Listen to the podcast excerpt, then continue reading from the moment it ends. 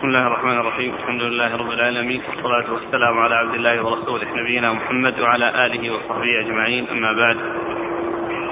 قال الإمام الحافظ أبو عيسى الترمذي رحمه الله تعالى في جامعه قال باب ما جاء في من يحلف بالمشي ولا يستطيع. قال حدثنا عبد القدوس بن محمد العطار البصري. قال حدثنا عمرو بن عاصم. عن عمران القطان عن حميد عن أنس رضي الله عنه أنه قال نذرت امرأة أن تمشي إلى بيت الله فسئل نبي الله صلى الله عليه وآله وسلم عن ذلك فقال إن الله لغني عن مشيها مروها فلتركب. قال وفي الباب عن أبي هريرة وعقبة بن عامر وابن عباس رضي الله عنهم قال أبو عيسى حديث أنس حديث حسن صحيح غريب من هذا الوجه والعمل على هذا عند بعض أهل العلم وقالوا إذا نذرت امرأة أن تمشي فلتركب ولتهدي شاة. بسم الله الرحمن الرحيم الحمد لله رب العالمين وصلى الله وسلم وبارك على عبده ورسوله نبينا محمد وعلى آله وأصحابه أجمعين. أما بعد فيقول لنا أبو عيسى الترمذي رحمه الله في جامعه باب في من نذر المشي؟ في من يحلف بالمشي ولا يستطيع. في من في من يحلف يحلف نعم بالمشي. على المشي. يحلف بالمشي. يحلف بالمشي ولا يستطيع. يعني يحلف أو ينذر بأنه آه، يعني يحج ماشيا أو أنه يعني آه، يذهب إلى مكة ماشيا وهو لا يستطيع. فماذا يصنع؟ آه، آه، جاء في هذا الحديث الذي أورده الترمذي رحمه الله هنا في قصة المرأة التي نذرت أو نذرت قال في الحديث نذرت ولا حلف؟ نذرت. نذرت. في هنا قال حلف وهنا قال نذر. والحلف والنذر مؤداهما واحد. كل منهما يعني آه يوفى به وإذا لم يوفي فإنه يكفر كفارة اليمين. وأورد في قصة هذه المرأة التي نذرت أن تمشي فالرسول صلى الله عليه وسلم قال غني عن عن تعذيبها نفسها مروها فلتركب ولتهدي شاة. فلتركب ولتهدي شاة. ويعني معنى ذلك أنها آه تترك هذا الذي ألزمت نفسها به وتهدي شاة. ولعل هذا الإهداء من أجل أنها يعني آه، أنه في حج أو في عمرة. وأن هذا حصل منها فهي تتقرب إلى الله عز وجل يعني بشاة في مقابل هذا الذي آه، آه، نذرته وهي لا تتمكن منه منه فإنها تعمل هذا العمل. وقد جاء في رواية أخرى تأتي أنها تركب وتمشي أنها تمشي وتركب وهذا يعني يحمل على ما إذا كان يعني غير قادر فإنه يركب.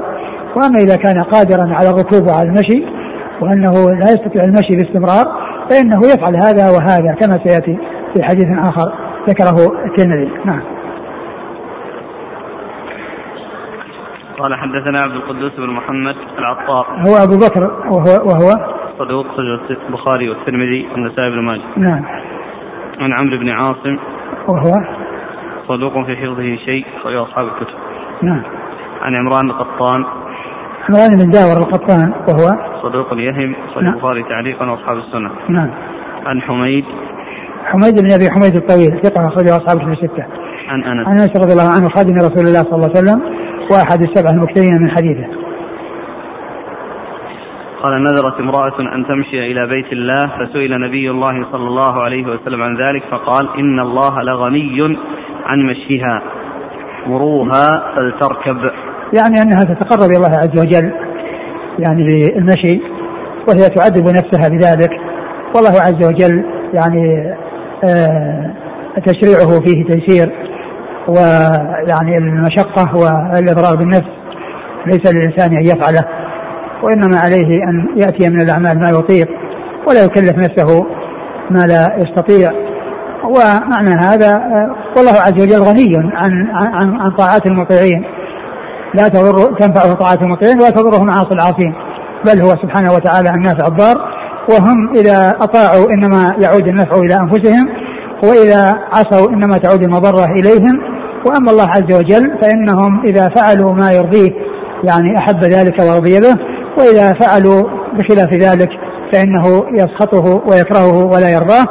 وأما آآ آآ كونه آآ يصل إليه نفع أو هذا فإنه غني هو غني عن عباده وعباده هم الفقراء إليه.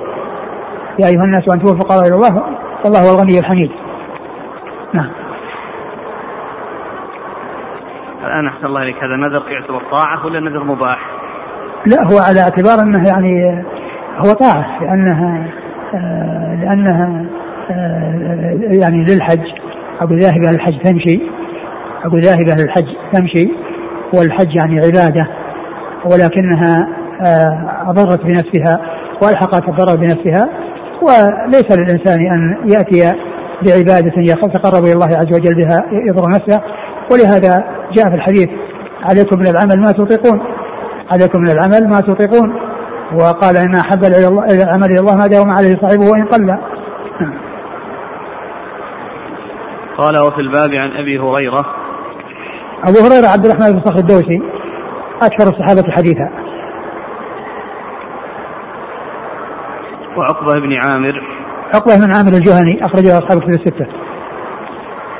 وابن عباس. وابن عباس عبد الله بن عباس أحد العبادلة وأحد المكثرين من حديث رسول الله صلى الله عليه وسلم.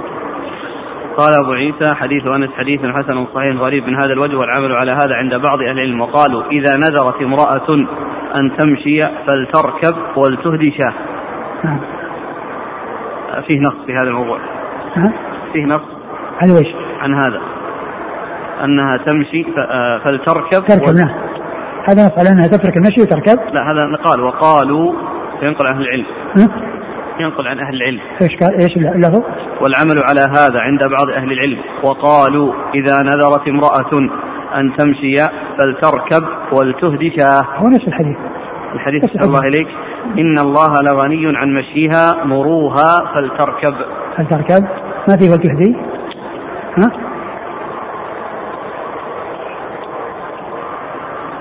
ما في الحديث ولتهدي؟ لا حديثنا هذا الآن. نذرت امرأة أن تمشي إلى بيت الله فسئل نبي الله صلى الله عليه وسلم عن ذلك فقال إن الله لغني عن مشيها مروها فلتركب. ثم. قال والعمل على هذا عند بعض أهل العلم. وقالوا إذا نذرت امرأة أن تمشي فلتركب ولتهدي شاه طيب شوف الشرح ما ذكر كان شيئا عن عن عن الإهداء في الحديث. بدأ.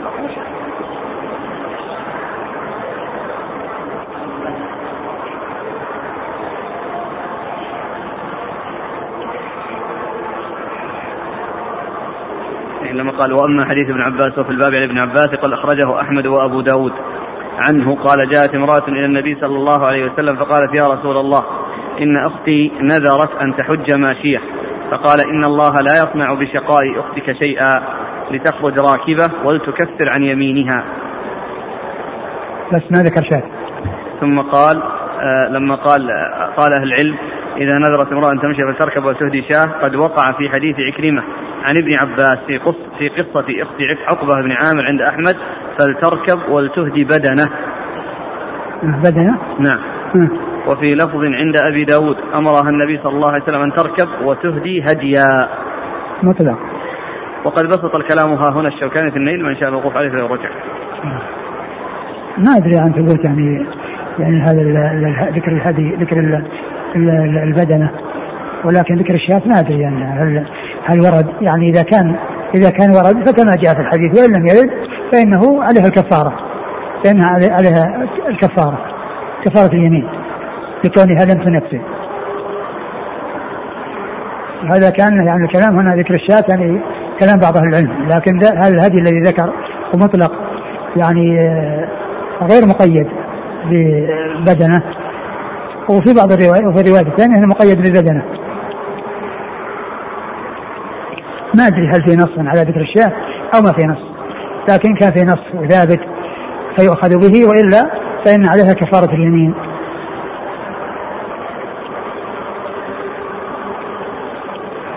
قال حدثنا أبو موسى محمد بن المثنى قال حدثنا خالد بن الحارث قال حدثنا حميد عن ثابت عن أنس رضي الله عنه أنه قال مر النبي صلى الله عليه وآله وسلم بشيخ كبير يتهادى بين ابنيه فقال ما بال هذا؟ قالوا يا رسول الله نذر أن يمشي. قال إن الله عز وجل لغني عن تعذيب هذا نفسه. قال فأمره أن يركب. قال حدثنا محمد المثنى قال حدثنا ابن أبي عدي عن حميد عن أنس أن رسول الله صلى الله عليه وسلم رأى رجلا فذكر نحوه. وهذا وهذا يعني فيه ذكر أنه أمره بأن يركب وما ذكر أنه يعني يمشي ويركب وذلك لأنه يتهادى.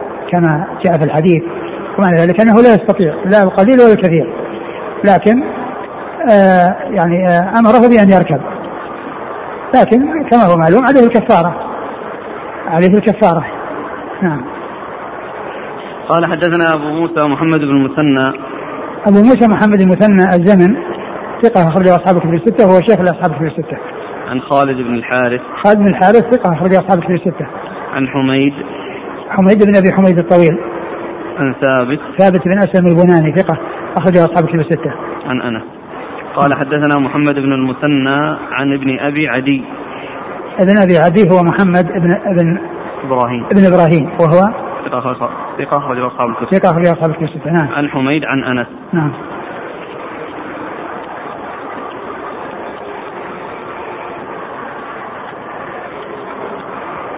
يقول الأخ جاء في كثير من تراجم السلف كأبي عثمان النهدي أنه حج سبعين حجة ماشيا. أنه؟ حج سبعين حجة ماشيا. على ماذا يحمل هذا الفعل؟ وهل هذا يعتبر من التكلف؟ حج ماشيا يعني بين مكة وعرفة. وليس معنى ذلك أنه حج من بلده يمشي. الحج إذا ذكروا حج ماشيا فإنه يقصد أنه يمشي بين مكة وعرفة. هذا حج ماشي. والرسول وقد ذكر العلماء يعني آه أن اختلف العلماء في هذا. منهم من قال إنه يمشي لأن الله عز وجل آه، لما ذكر ال لما ذكر ال ال آه، يأتوك رجالا وعلى كل ضامر يأتين من كل فج عميق ذكر الراجلين وذكر الماشين. وقدم الراجلين فقالوا لأن الله قدمه فيكون المشي أفضل. وبعضهم يقول إن الركوب أفضل لأن الرسول صلى الله عليه وسلم فعله. وقد حج راكبا عليه الصلاة والسلام. فيعني الذين قالوا إنه يمشي استدلوا بالتقديم. يأتوك رجالا رجالا جمع راجل. وليس جمع رجل. يأتوك رجالا وعلى كل ضامر يأتين. يعني رجالا وركبانا. فاستدلوا بالتقديم. والذين قالوا بالركوب استدلوا بفعل الرسول صلى الله عليه وسلم. لأنه صلى الله عليه وسلم حج راكبا مع قدرته على المشي عليه الصلاة والسلام. نعم. الله عليك يقول السائل من نذر أن يصلي دبر كل وضوء ركعتين ثم استمر فترة وفرط مرة أو مرتين ما الحكم في حقه؟ والله يبدو أنه يكفر لهذا التفريط ولكن لا يعني ذلك أنه يترك بل يعني يواصل العبادة التي نذرها. يقول وإذا كفر هل يكون وجوبا عليه الاستمرار على هذا النذر فيما بقي؟ أرجو التوضيح. والله الذي يبدو أنه نذر ولكنه لما أحل يعني مو معناه أنه يتخلص من من العبادة التي نذرها مع قدرته عليها بأنه يطعم عشرة مساكين. يعني كفارة عن هذا التفريط ولكن نعم. يبقى. هو هذا نعم ويستمر وهذا يقول أحسن الله إليك آه، آه، شخص قال لو رجعت إلى الدخان بعد ثلاث أيام فنذرا علي أن أصوم أسبوع بكامله متتالي. لكن بعد يومين رجع للتدخين والصيام عليه غير سهل بحكم عمله. على كل يعني عليه أن يأتي بنذره. عليه أن يأتي بنذره إذا لم يعني إذا حصل منه الحنث نعم. حنث إذا حصل منه الحنث بعد يومين شرب الدخان. رجع ولا استطاع نعم. على كل يلزمه أن يصوم. ولا يقال لا يستطيع يصوم رمضان. نعم.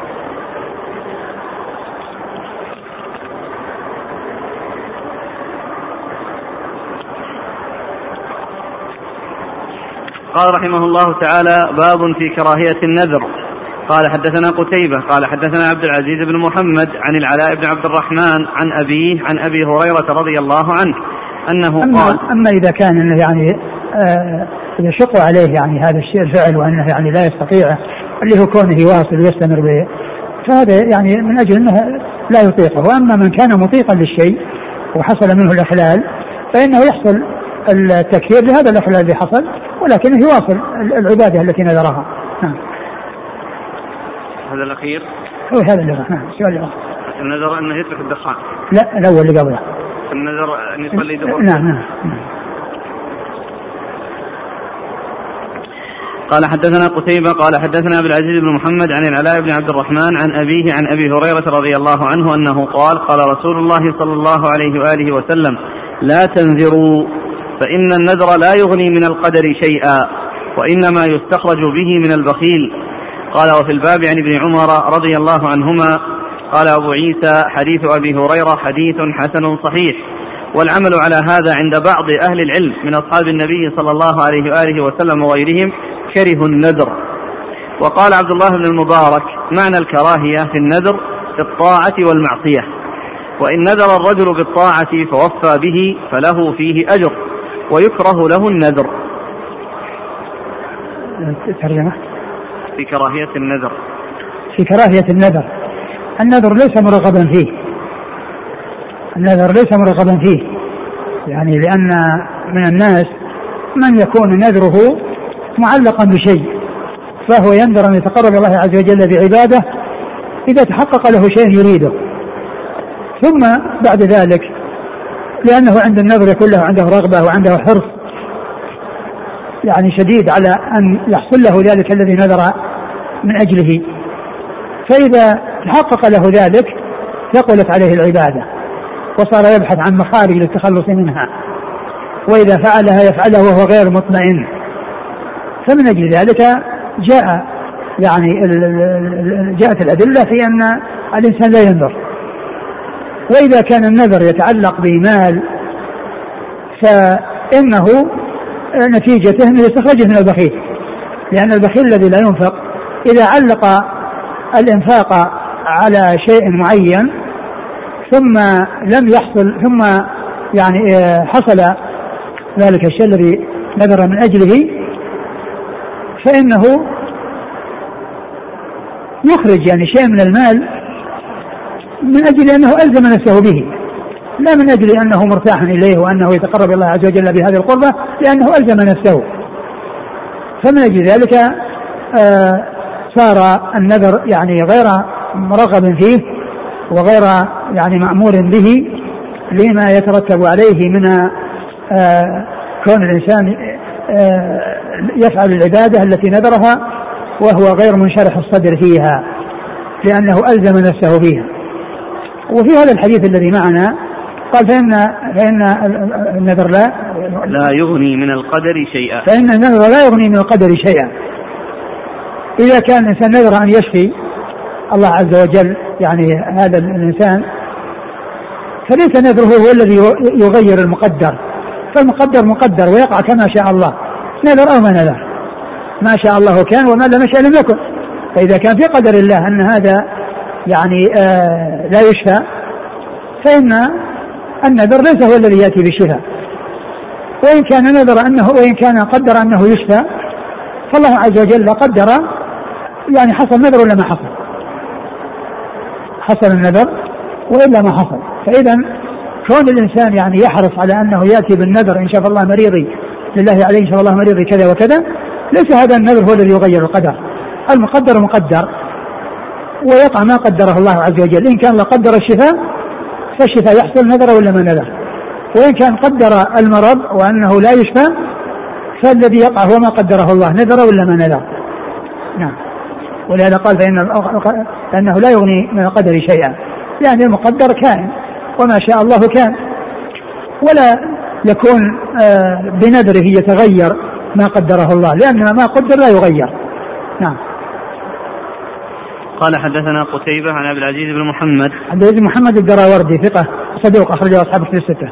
عن العلاء بن عبد الرحمن. العلاء بن عبد الرحمن الحرقي وهو صدوق أخرجه البخاري في جزء القراءة ومسلم وأصحاب السنن.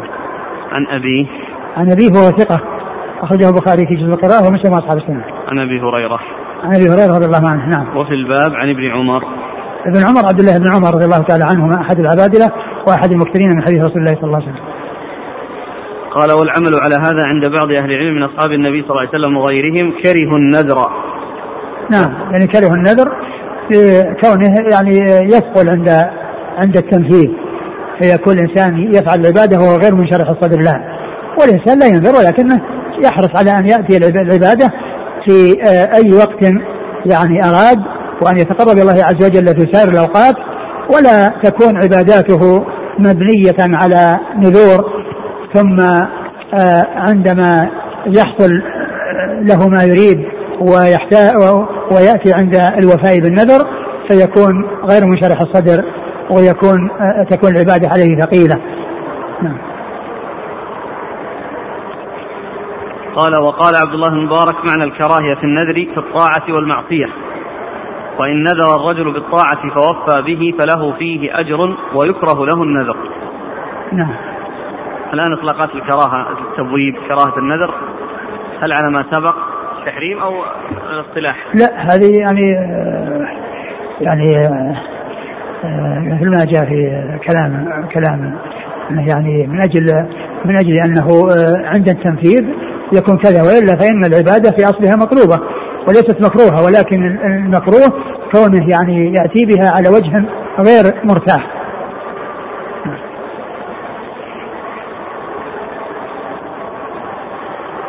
الترجمة وش هي؟ باب باب في كراهية النذر. نعم. الأصل هو الكراهية للتحريم. الاصل عند المتقدمين الكراهيه للتحريم. لكن يعني هذا المقام يعني ويمكن إذا حمل النهي على التحريم لأنه يعني يؤتى بالعبادة يعني ليس رغبة فيها نعم. وإنما رغبة في تحصيل منفعة دنيوية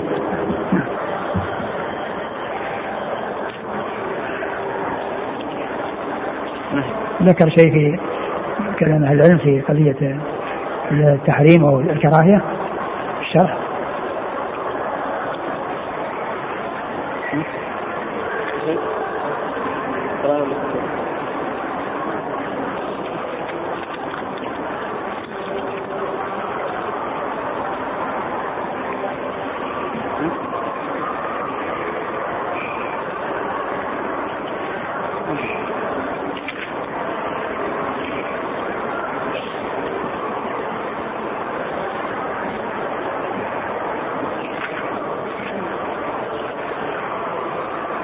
عند قوله لا تنذروا.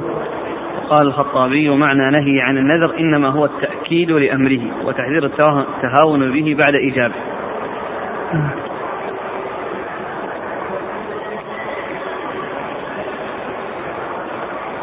نعم.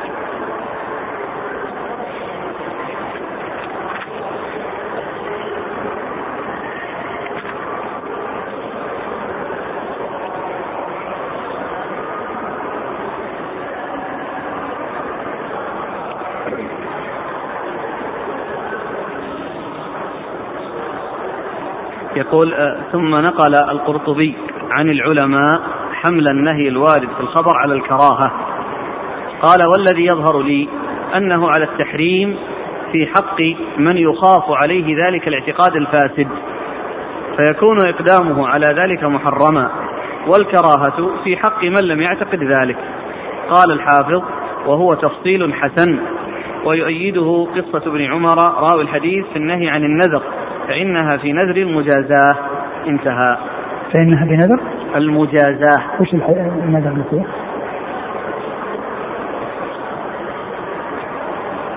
لما قالوا في الباب عن ابن عمر كان أيوه وش نهى الرسول صلى الله عن النذر وقال إنه لا يرد شيئا وإنما يستخرج به من البخيل. هي مجازات يعني مقابلة. م. يعني مقابلة يعني آه مقابلة الفائدة بذلك العمل الذي هو قربة. يعني ليس على سبيل الاستقلال وتقرب الله عز وجل وإنما هو من قبيل المجازاة. نعم. والمقابلة. نعم.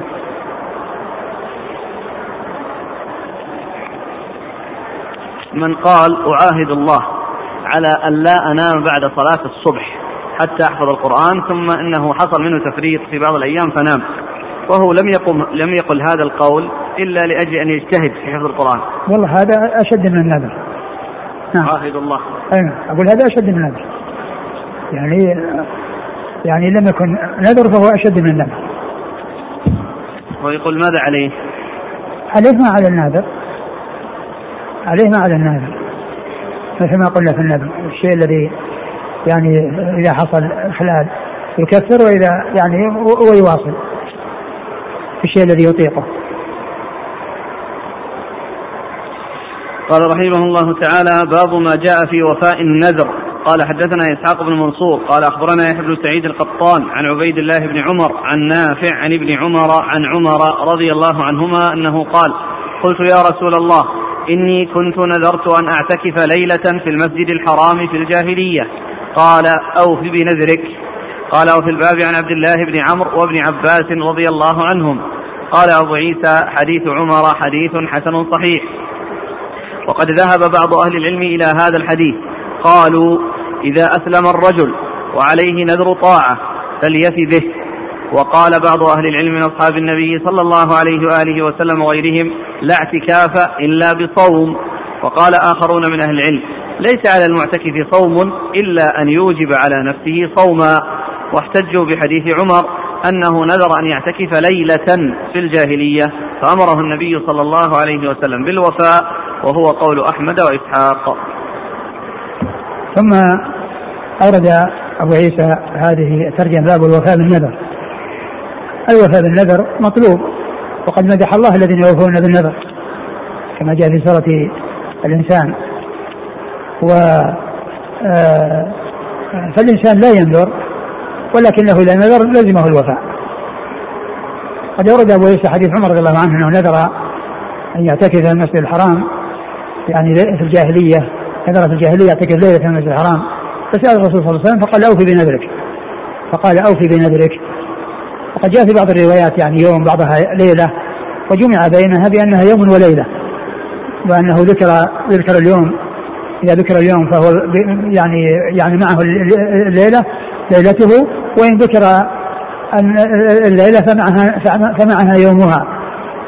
واستدل يعني كما ذكر المصنف استدل بعض أهل العلم بهذا على أن الصوم لا يلزم النذر ان ان ان, أن الاعتكاف لا يلزم فيه الصوم. لأنه اعتكف نذر يعتكف ليلة أو يوم المسجد الحرام وما ذكر معه صيام. فاذا يمكن أن يكون مع الصيام ويمكن أن يكون بدونه. يمكن أن يكون مع الصيام فيما إذا كان رمضان. اعتكف العشر الأواخر من رمضان لأنه لا بد فيها من الصيام وهذا شيء معلوم وإن كان يعني في غير ذلك فهو على حسب نيته وعلى حسب ما يريده إن كان يعني نوى اعتكافا مع صيام فيلزمه ذلك وإنما نوى اعتكافا لا صيام معه فله فله ذلك. وهذا فيه دليل على أن من حصل منه في الجاهلية نذر عباده ثم أسلم فإنه يفي بنذره. نعم. قال حدثنا إسحاق بن منصور إسحاق بن منصور الكوسج ثقة أخرج أصحاب في الستة إلا أبا داود عن يحيى بن سعيد القطان وهو ثقة أخرج أصحاب في الستة. عن عبيد الله بن عمر وهو ثقة أخرج أصحاب في الستة. عن نافع وهو كذلك. نعم. عن ابن عمر عن عمر. وعمر رضي الله تعالى عنه أمير المؤمنين وثاني الخلفاء الراشدين الهاديين المهديين صاحب المناقب الجمة والفضائل الكثيرة وحديثه عند أصحاب في الستة. قال وفي الباب عن عبد الله بن عمرو نعم. وابن عباس. نعم. يعني من حيث كيف عرفنا أنها يوم وليلة جمع بين الروايات؟ هو جاء, جاء هو جاء هو جاء فيها يعني يوم وبعضها ليلة. يعني جمع بينها بان بأنها إذا ذكر الليلة فمعها يومها وإذا ذكر اليوم فمعه ليلته. واليوم هو الذي ليس فيه الصيام. وأما الليل ليس محل الصيام. ليس محل للصيام إلا تبعا للنهار. كما جاء في الحديث من كان مواصلا فليواصل إلى السحر نهى عن الوصال قال فأيكم أراد أن يواصل فليواصل إلى السحر نعم.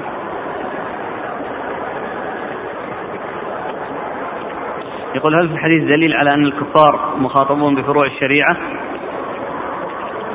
نعم الصحيح من أقوال العلم أنهم مخاطبون بفروع الشريعة لكنهم لو أتوا بها وهم في حال كفرهم لا تنفعهم. يقول الله عز وجل وقدمنا إلى ما عملوا من عمل فجعلناه هباء مثورا وإذا أدوها في حال إسلامهم فلا شك أنها تنفعهم. إذا أسلموا بعد كفرهم. هل يؤخذ من هذا الحديث أن أقل مدة للاعتكاف يوم وليلة؟ هذا في خلاف بين أهل العلم. يعني هل آه الاعتكاف يعني آه ما يكون إلا يعني يوم وليلة وبعضهم يقول يعني ولو يعني شيء يسير ولو شيء يسير. والحديث هذا ما فيه ذكر تحديد ولكن لا شك أن كون الإنسان يعتكف يعني مدة ينويها ويقصدها يعني مثل يوم وليلة أما كونه يعني يأتي يجلس ساعة ويكون معتكف هذا ليس بواضح. أو يأتي للصلاة وهو معتكف في هذه المدة. هنا الإنسان لابد أن يدخل نفسه لابد أن يصلي مع الناس. نعم. وهل في دلالة على أن من حلف في حال كفره ثم أسلم وحنث أنها تلزمه الكفارة؟ آه، إذا كان حلف أن يأتي بعبادة إذا حلف أن يأتي بعبادة يعني وأسلم ولم يأتي بها يلزمه كفارة قال رحمه الله تعالى باب ما جاء كيف كان يمين النبي صلى الله عليه وآله وسلم.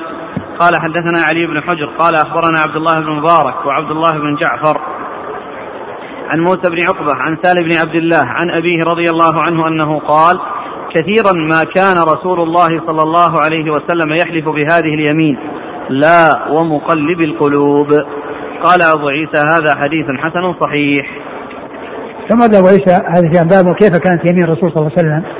يعني كيف كان يحلف الرسول صلى الله عليه وسلم؟ وكيف كان يقسم؟ آه، الرسول صلى الله عليه وسلم كان يقسم بعدة صيغ وكثيرا ما كان يقسم والذي نفسي بيده والذي نفس محمد بيده. هذا كثيرا ما يأتي في الحديث في الأحاديث عن رسول الله صلى الله عليه وسلم. و وفي بعضها وهو يعني كثيرا كما جاء في هذا الحديث أنه كان كثيرا ما يقول لا ومقلب القلوب. لا ومقلب القلوب.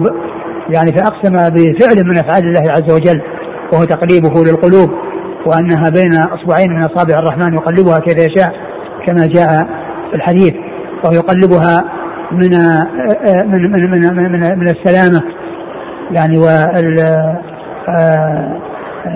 وكونها يعني على خير إلى أن تكون بخلاف ذلك والعكس إلى أن تكون على شر ثم يقلبها إلى أن تكون على خير. ف, ف يعني هذا من الحلف بأفعال الله عز وجل لا هو مقلب القلوب لا هو مقلب القلوب الحلف بأفعال الله عز وجل وكونه مقلب القلوب نعم قال ومن المعلوم أن الحلف يكون بأسماء الله وصفاته بأسماء الله وصفاته وأفعاله نعم مثل هذا الذي معنا ومن أفعاله نعم. قال حدثنا علي بن حجر علي بن حجر بن ياس السعدي ثقة أخرجه البخاري ومسلم والترمذي والنسائي. عن عبد الله بن مبارك. عبد الله بن مبارك المروزي ثقة أخرجه أصحاب كتب الستة. وعبد الله بن جعفر. وعبد الله بن جعفر هو ضعيف أخرجه الترمذي وابن ماجه. ضعيف أخرجه الترمذي وابن ماجه نعم. عن موسى بن عقبة. موسى بن عقبة ثقة أخرجه أصحاب كتب الستة. عن سالم بن عبد الله عن أبيه. سالم بن عبد الله ثقة أخرجه أصحاب كتب الستة. نعم. يقول السائل هل يكون من السنة أن يلتزم الإنسان بهذه الصيغة عندما يحلف؟ الرسول التزمها الرسول كثيرا ما الآن الأحاديث التي تمر بنا كثيرا يعني والذي نفسي بيده والذي نفس محمد بيده. لكن يمكن يحلف بها ويحلف بغيرها. لكن يقال سنة لأنه اختار الصيغة التي حلف بها النبي صلى الله عليه وسلم. آه، آه، الرسول صلى الله عليه وسلم حلف والذي نفسي بيده وحلف بوالذي نفس محمد بيده. ويعني آه، فليس يعني فليس يعني هذا خاصا بيمينه صلى الله عليه وسلم. هل تجوز هذا الصيغة في الحلف وحق الله أن لا. تفعل كذا؟ لا الحق يعني لا يحلف لأن حق الله العبادة. حق الله على العباد العبادة والعبادة لا يحلف بها لأن العبادة هي فعل المخلوقين. العبادة هي توحيد الله بأفعال العباد. فلا يحلف بحق الله. حق الله هو العبادة والعبادة لا يحلف بها. وإنما يحلف بالله وأسمائه وصفاته. يقول قال الشارح فيه جواز تسمية الله بما ثبت من صفاته هل هذا على الإطلاق؟ وين وين فيه؟ في عندي عندي أي شرح أشرح الحديث ذا؟ قال والمراد بتقليب القلوب تقليب أحوالها لا تقليب ذواتها وفيه جواز تسمية الله بما ثبت من صفاته على وجه يليق به آه، يعني كون كون هذا من الأسماء يعني آه، ما هو واضح لأن هذا يعني مقيد ب يعني بالقلوب. يعني ما يأتي مقلب يعني بدون إضافة. أقول لا يأتي مقلب بدون إضافة وإنما يعني لابد أن يكون متصلا بشيء يقلب القلوب. يعني لا يأتي منفردا مثل كأسماء الله عز وجل العزيز الحكيم الحميد. وإنما هذا يعني يأتي آه، آه، معلقا بشيء. نعم. فليس بواضح أن هذا من اسماء الله. لكن كما كما كما يعني عرفنا أن يعني آه، من الأشياء التي يخبر عن الله بها وهي لم تثبت له من أسماء الله عز وجل أن إذا وجدت تسمية أنها لا تغير لأن المقصود هو الله عز وجل. يعني إذا قيل عبد المقلب أو عبد المنعم أو غير ذلك من الأشياء التي ما ورد فيها نص بانها من أسماء الله عز وجل أو عبد الستار يعني أو أو عبد الساتر من الأشياء التي لا نص فيها لا يغير لا تغير الأسماء ولكن عند الاختيار يختار شيء واضح أنه من أسماء الله الحسنى عند الاختيار. وأما بعد ما تحصل التسمية فإنه لا يغير لأن الله عز وجل هو المقلب وهو المنعم وهو الساتر. نعم.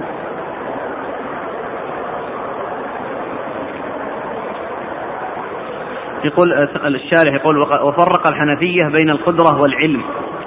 فقالوا إن من حلف بقدرة الله تعالى انعقدت يمينه وإن حلف بعلم الله تعالى لم تنعقد. كيف؟ لأن العلم يعبر به عن المعلوم. كقوله تعالى هل عندكم من علم فتخرجوه لنا؟ طيب بس هذا هو مضاف إلى الله. المضاف العلم المضاف إلى الله هو الصفة. كما أن القدرة المضافة إلى الله هي الصفة. ثم أيضا يعني أيضا القدرة تضاف إلى المخلوقين. أقول القدرة أيضا تضاف إلى المخلوقين. وكما أن العلم يضاف المخلوقين والقدرة تضاف إلى الله والعلم يضاف إلى الله. وكل منه صفة من صفات الله عز وجل. ولو حلف بعلم الله وبقدرة الله كل ذلك صحيح. لأنه حلف بأسماء الله وصفاته. كيف لا يحلف بعلم الله وصفة من صفاته؟ قال رحمه الله تعالى باب ما جاء في ثواب من أعتق رقبة. قال حدثنا قتيبة قال حدثنا الليث عن ابن الهاد عن عمر بن علي بن الحسين بن علي بن أبي طالب عن سعيد بن مرجانة عن أبي هريرة رضي الله عنه أنه قال سمعت رسول الله صلى الله عليه وآله وسلم يقول من أعتق رقبة مؤمنة أعتق الله منه بكل عضو منه عضوا من النار حتى يعتق فرجه بفرجه. قال وفي الباب عن عائشة وعمر بن عنبس بن عبسة وابن عباس وواثل بن الأسقع وأبي أمامة وعقبة بن عامر وكعب بن مرة رضي الله عنهم أجمعين. قال أبو عيسى حديث أبي هريرة حديث حسن صحيح غريب من هذا الوجه. وابن الهاد اسمه يزيد بن عبد الله بن أسامة بن الهاد وهو مدني ثقة قد روى عنه مالك بن أنس وغير واحد من أهل العلم. نعم. باب ما جاء في الرجل. آه باب ما جاء في الرجل يلطم خادمه. نعم ثم أورد أبو عيسى هذا الثاني باب في في من ثواب من أعتق رقبة. ثواب من أعتق رقبة. آه هذا الحديث يعني كونه يعني يأتي بالنذر أو في باب النذر يعني ليس بواضح دخوله فيه وإنما جاء تبعا لأن العتق هو غير النذر لكن قد يكون النذر في عتق أو في غيره. لكن آه دخوله يعني فيه إنما هو من باب التبع وليس من باب الدخول في النذر أو الإيمان والنذور.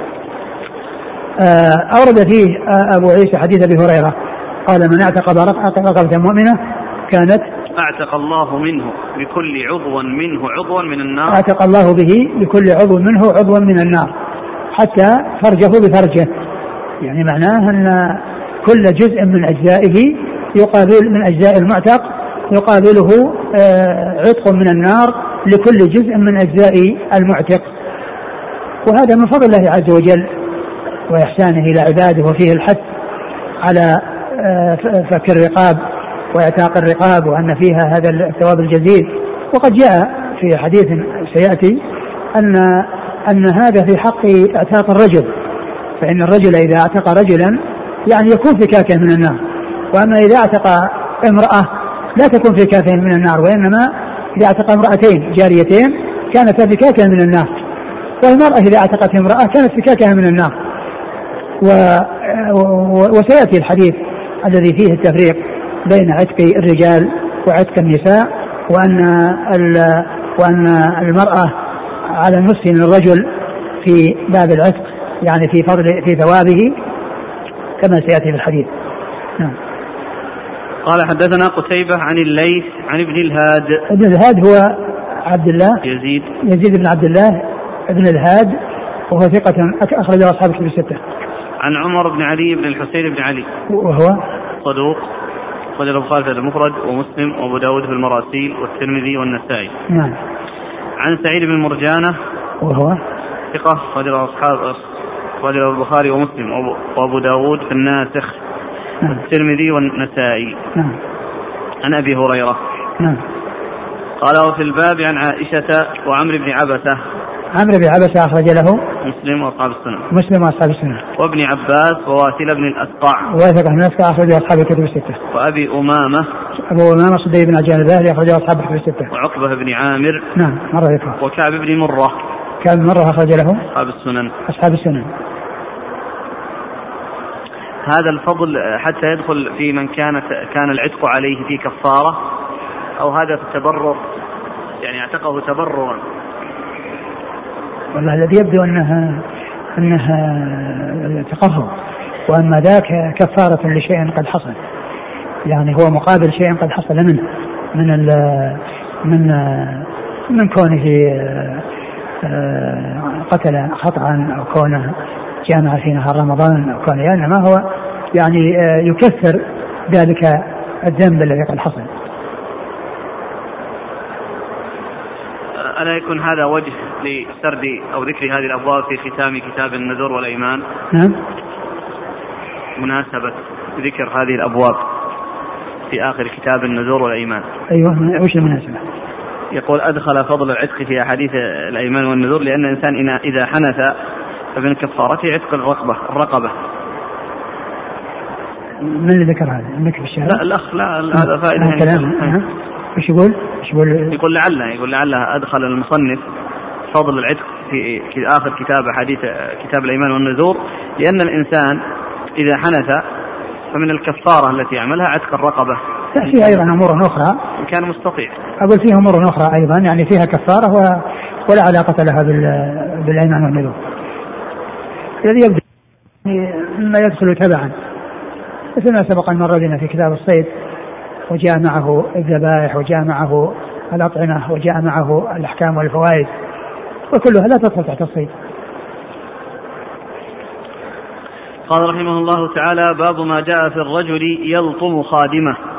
قال حدثنا أبو كريب قال حدثنا المحاربي عن شعبة عن حصين عن هلال بن يساف عن سويد بن مقرن المزني رضي الله عنه قال لقد رأيتنا سبعة إخوة ما لنا خادم إلا واحدة فلطمها أحدنا فأمرنا النبي صلى الله عليه وسلم أن نعتقها. قال وفي الباب عن ابن عمر رضي الله عنهما قال أبو عيسى هذا حديث حسن صحيح وقد روى غير واحد هذا الحديث عن حصين بن عبد الرحمن فذكر بعضهم في الحديث قال لطمها على وجهها. ثم أبو عيسى باب من لطم. الرجل يلطم خادمه. باب الرجل يلطم خادمه. أي آه اللطم لا يجوز لا سيما إذا كان على الوجه. والإنسان عليه أن يحسن إلى ما ملكت الأيمان ما ملكت يمينه ولا يؤذيهم ولا يحملهم من الأعمال ما يطيقون. وهذا من آخر ما اوصى به رسول الله صلى الله عليه وسلم. كما جاء عن علي رضي الله عنه أن النبي صلى الله عليه وسلم قال إن كان من آخر ما اوصى به صلى الله عليه وسلم قال الصلاة على الصلاة وما ملكت أيمانكم. قال وهؤلاء الكلمات هن آخر شيء سمعته من رسول الله صلى الله عليه وسلم. فوصيته بملك اليمين من آخر ما اوصى به فلا يؤذيه بالضرب ولا بالكلام ولا بتحميله ما لا يطيق ولا بأي نوع من أنواع الإساءة إليه. و والأولى أن من حصل له منه إساءة إلى خادمه أن يعتقه كما جاء في هذا الحديث الذي أورده المصنف لأنه لما لطمها واحد منهم أمرهم بإعتاقها أمرهم بإعتاقها. ويعني ال آه، آه، آه، لكن كون أنه إذا وجد أي إساءة للمملوك أنه يعني يلزمه أن يعتقه يعني هذا غير هذا فيه نظر. ولكن الرسول صلى الله عليه وسلم لعله أراد أن يعني يؤدب هؤلاء الذين حصل من واحد منهم هذا الفعل وأنهم يحسنون إليها ببدل هذه الإساءة وذلك بإعتاقها وتخليصها من الرق. وأما كون أي إنسان يحصل منه إلى إساءة إلى عبده وأنه يتعين عليه إعتاقه وأن هذا لازم هذا يعني محل نظر. نعم. قال حدثنا أبو كريب. أبو كريب محمد بن العلاء بن كريب ثقة أخرج أصحاب في الستة. عن المحاربي. عن المحاربي وهو عبد الرحمن. عبد الرحمن بن محمد بن زياد لا بأس به. نعم. أخرج أصحاب الكتب. نعم. عن شعبة. شعبة بن الحجاج ثقة أخرج أصحاب في الستة عن حصين الحسين حسين بن عبد الرحمن ثقة أخرج أصحاب في الستة عن هلال بن يساف. عن هلال بن يساف وهو ثقة أخرج البخاري تعليقا ومسلم وأصحاب السنة. نعم. عن سويد بن مقرن.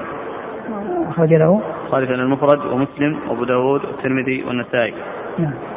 وفي الباب عن ابن عمر ثم قال قال رحمه الله تعالى باب ما جاء في كراهية الحلف بغير ملة الإسلام. قال حدثنا أحمد بن منيع. قال حدثنا إسحاق بن يوسف الأزرق عن هشام الدستوائي.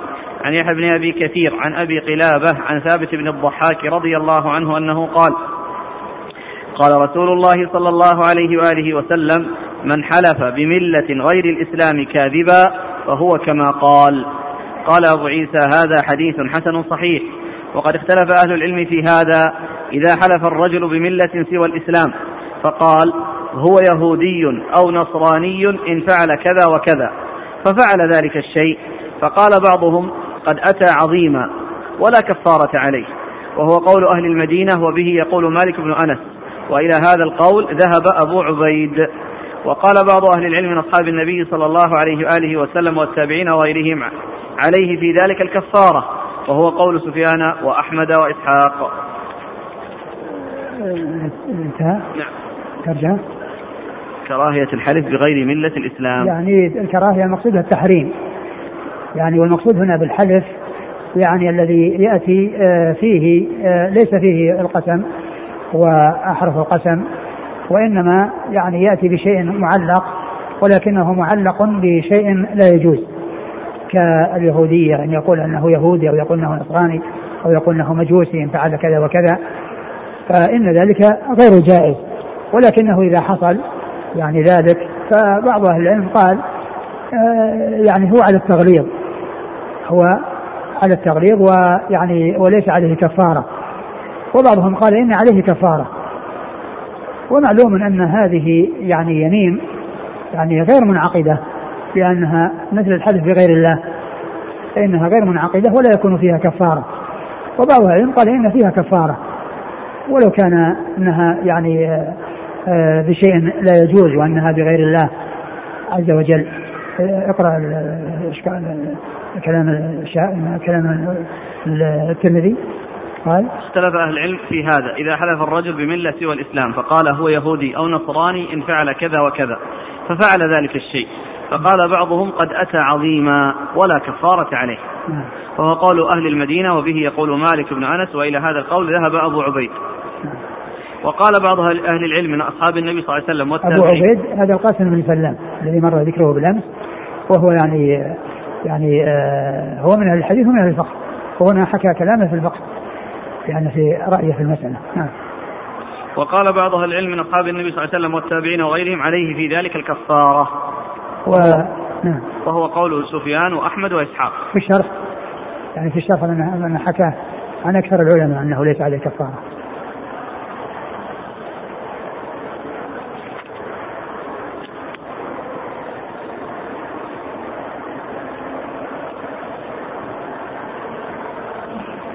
قال وقد اختلف وقد اختلف في من قال أكفر بالله. نعم. أو هذا غيره؟ نعم. أو غير هذه المسألة؟ إيش قال فيها؟ ها؟ إيش قال فيها؟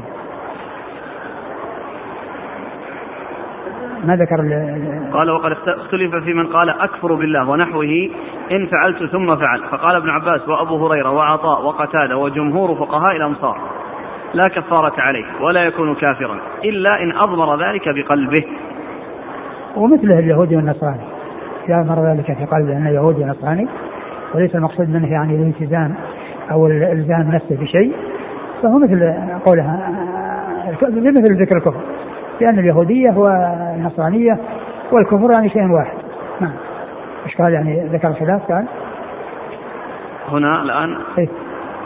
اختلف في من قال أكفر بالله ونحوه إن فعلت ثم فعل فقال ابن عباس وأبو هريرة وعطاء وقتادة وجمهور فقهاء الأمصار لا كفار عليه نعم ولا يكون كافرا إلا إن أضمر ذلك بقلبه إيه. وقال الأوزاعي والثوري والحنفية وأحمد وإسحاق هو يمين وعليه الكفارة نعم. قال ابن المنذر والأول أصح نعم. لقوله صلى الله عليه وسلم من حلف باللات والعزى فليقل لا إله إلا الله ولم يذكر كفارة زاد غيره وكذا قال من حلف بملة سوى الإسلام فهو كما قال. فأراد التغليظ في ذلك حتى لا يجترئ أحد عليه.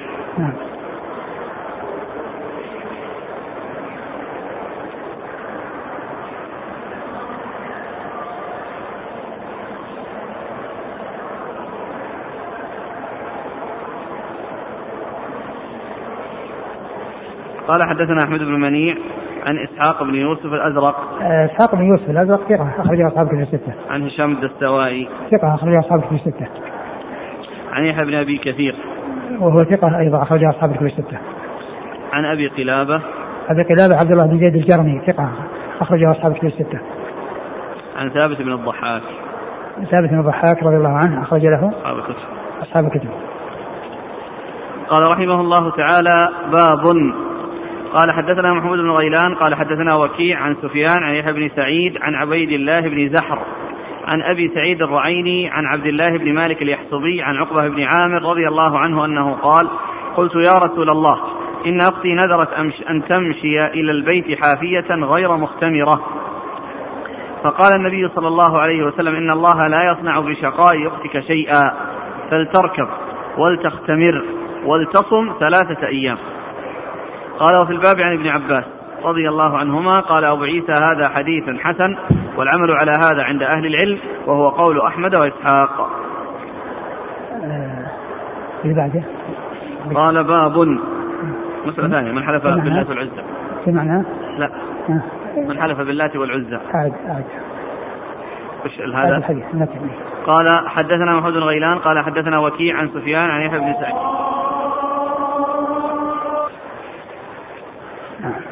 متن عن عقبة بن عامر قال قلت يا رسول الله إن أختي نذرت أن تمشي إلى البيت حافية غير مختمرة.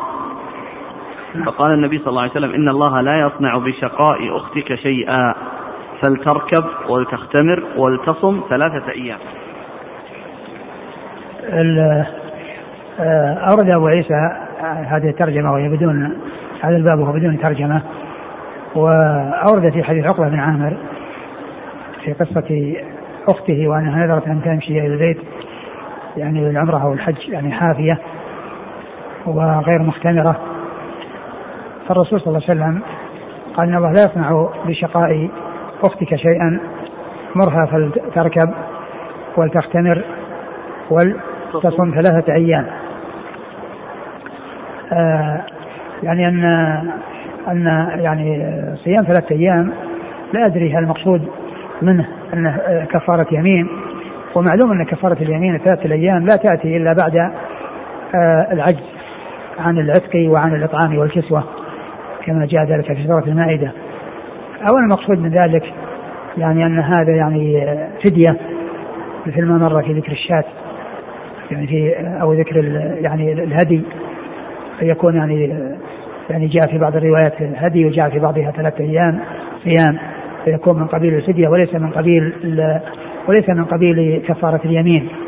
ومعلوم أن النذر يعني كفارة كفارة يمين وكذلك اليمين التي لم تبر ولم يوفى بها يعني تكفر.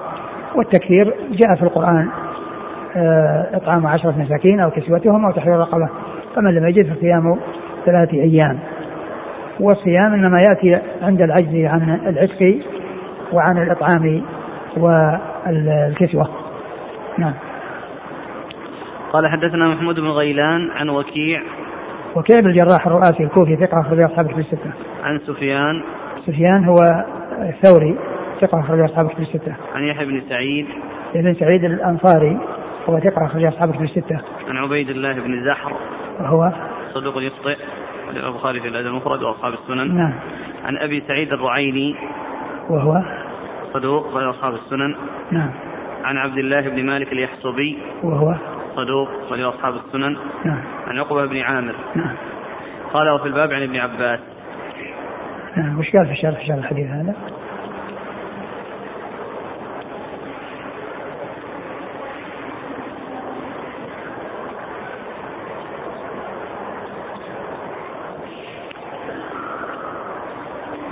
في رواية الشيخين يقول لتمشي ولتركب. نعم.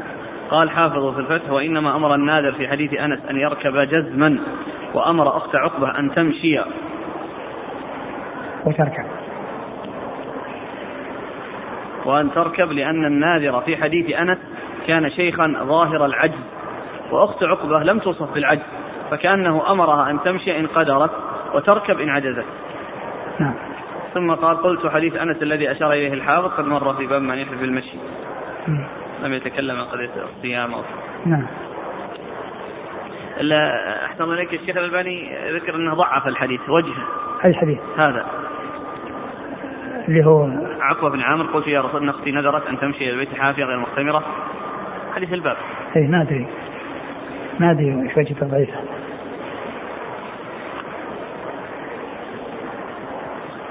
وهل هذا يكون قبل نزول آية الحجاب؟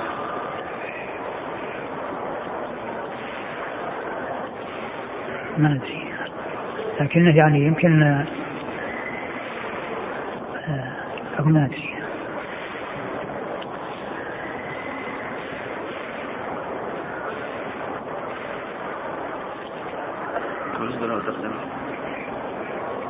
قال رحمه الله تعالى باب قال حدثنا إسحاق بن منصور قال حدثنا أبو المغيرة قال حدثنا الأوزاعي قال حدثنا الزهري عن حميد بن عبد الرحمن عن أبي هريرة رضي الله عنه أنه قال قال رسول الله صلى الله عليه وسلم من حلف منكم فقال في حلفه واللات والعزى فليقل لا إله إلا الله ومن قال تعالى أقامرك فليتصدق. قال أبو عيسى هذا حديث حسن صحيح. وأبو المغيرة هو الخولاني الحمصي واسمه عبد القدوس بن الحجاج. ثم رد أبو عيسى هذا الحديث حديث أبي هريرة. رضي الله عنه أن النبي صلى الله عليه وسلم قال من قال منكم واللات والعزى فليقل لا إله إلا الله ومن قال لأخيه تعالى قامرك فليتصدق. المقصود من قوله من قال منكم يعني أنهم كانوا حديث عهد بالإسلام وكان قد أخذت ألسنتهم على الحلف بالله والعزى. فمن كان آلفا لشيء وآخذ لسانه على شيء قد يخرج من غير إرادة ومن غير قصد. فالرسول صلى الله عليه وسلم أمر من حصل ذلك منه لكنه لكونه قد اعتاده ولم يقصده أن يأتي بعده بكلمة لا إله إلا الله. يعني يأتي بالتوحيد ويأتي بكلمة الإخلاص بعد أن قال تلك الكلمة التي التي هي أيمان الكفار والتي اعتادوها في حال كفرهم فصاروا يقولونها من غير قصد وتغلب ألسنتهم عليها وتنطلق بها دون أن يريدوا ذلك. فالرسول صلى الله عليه وسلم أراد أن يعودهم وأن يعلمهم أنهم إذا أتوا بهذه الكلمة التي جاءت من غير قصد أن يأتوا بعدها بكلمة الإخلاص وهي لا إله إلا الله التي تنفي آه، المعبودات عن كل ما سوى الله وتثبتها لله وحده لا شريك له. ثم قال ومن قال لأخيه تعالوا قامرك فليتصدق؟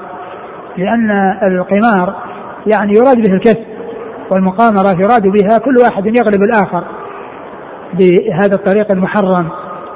فكونه آه، آه، اعتاد أن يقول هذا الشيء ومتعود أن يقول هذا الشيء فإنه إذا أتى بها فإن عليه أن يتصدق حتى يعني آه، يكون يعني هذا الأمر المنكر الذي تلفظ به وأراده من غير قصد أنه يأتي بصدقة.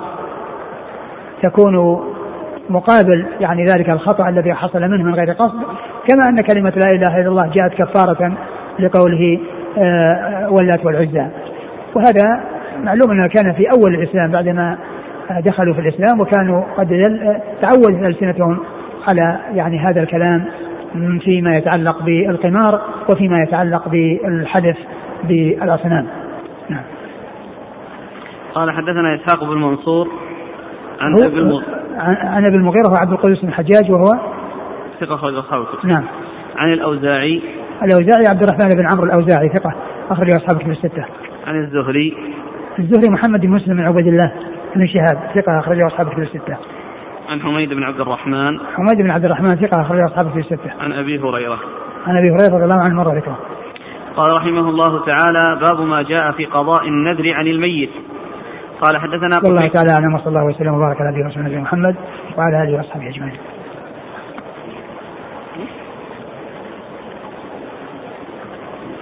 جزاكم الله خيرا وبارك الله فيكم ونفعنا الله بما سمعنا غفر الله لنا ولكم وللمسلمين أجمعين. في مسألة أحسن الله إليك في الرجل يلطم خادمه. لما قال الترمذي رحمه الله وفي الباب عن ابن عمر، حديث ابن عمر أخرجه مسلم قال: من ضرب غلاما له حدا لم يأته أو لطمه من ضرب غلاما له حدا لم يأته أو لطمه فإن كفارته أن يعتقه. قوله أو لطمه فإن كفارته. هل أنا الكفارة يعني تؤيد من من يرى الوجوب؟ وش الوجوب وجوب إيش؟ وجوب أنه ما دام لطم الخادم أنه إذا يريد يكفر ما أدري. ما أدري هل يعني يعني هل هذا يعني إيش كلام العلماء؟ ذكر كلام العلماء في هذا؟ شو قال الشارح فيه؟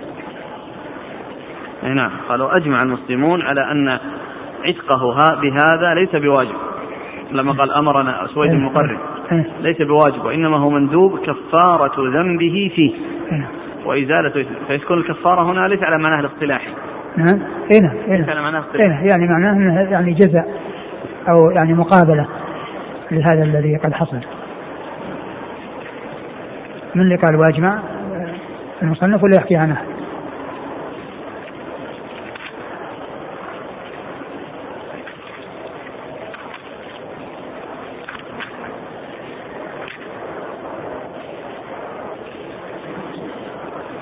ما نقل عنه لا نعم. بعد ذلك قال قاله الطيبي. إيه؟ قاله الطيبي. نعم. هنا في مسألة الحلف بالعلم. يقول يقول قال يقول شيخ الإسلام أن المصدر إذا أضيف إلى إلى الله فقد يراد به الصفة وقد يراد به الأثر أثرها فقوله تعالى ولا يحيطون بشيء من علمه يحتمل الصفة ويحتمل المعلوم الذي هو أثر لها فهل لهذا أثر في مسألة الحلف بعلم الله؟ والله الذي يبدو ما في ما في يعني لأن العلم هو من صفات الله عز وجل والإنسان عندما يحلف يحلف بصفات الله ما يحلف بالمتعلقات. يعني كما أن القدرة يعني فيها يعني فيها متعلق وفيها صفة. نعم. كذلك توجيه باب العتق يعني ادخاله هنا ثواب العتق. يقول لعل إيراد ثواب العتق باعتبار أنه أفضل ما يكون في الكفارة. كفارة النذر أو في كفارة اليمين. كما هو معلوم هو لا شك إنه من ناحية الفضل يعني حاصل لكنه في تخيير. أقول جاء تخيير بينه وبين غيره يعني في كفارة اليمين فيها تخيير بين العتق وبين الاطعام وأما من ناحية الفضل لا شك إنه أفضل. يعني وإن كان مخيرا فيه فهو أفضل. أحسن من إطعام عشرة مساكين أو أو أو, أو, آه، كسوتهم. نعم. جزاكم الله خيرا. سبحانك اللهم وبحمدك أشهد أن لا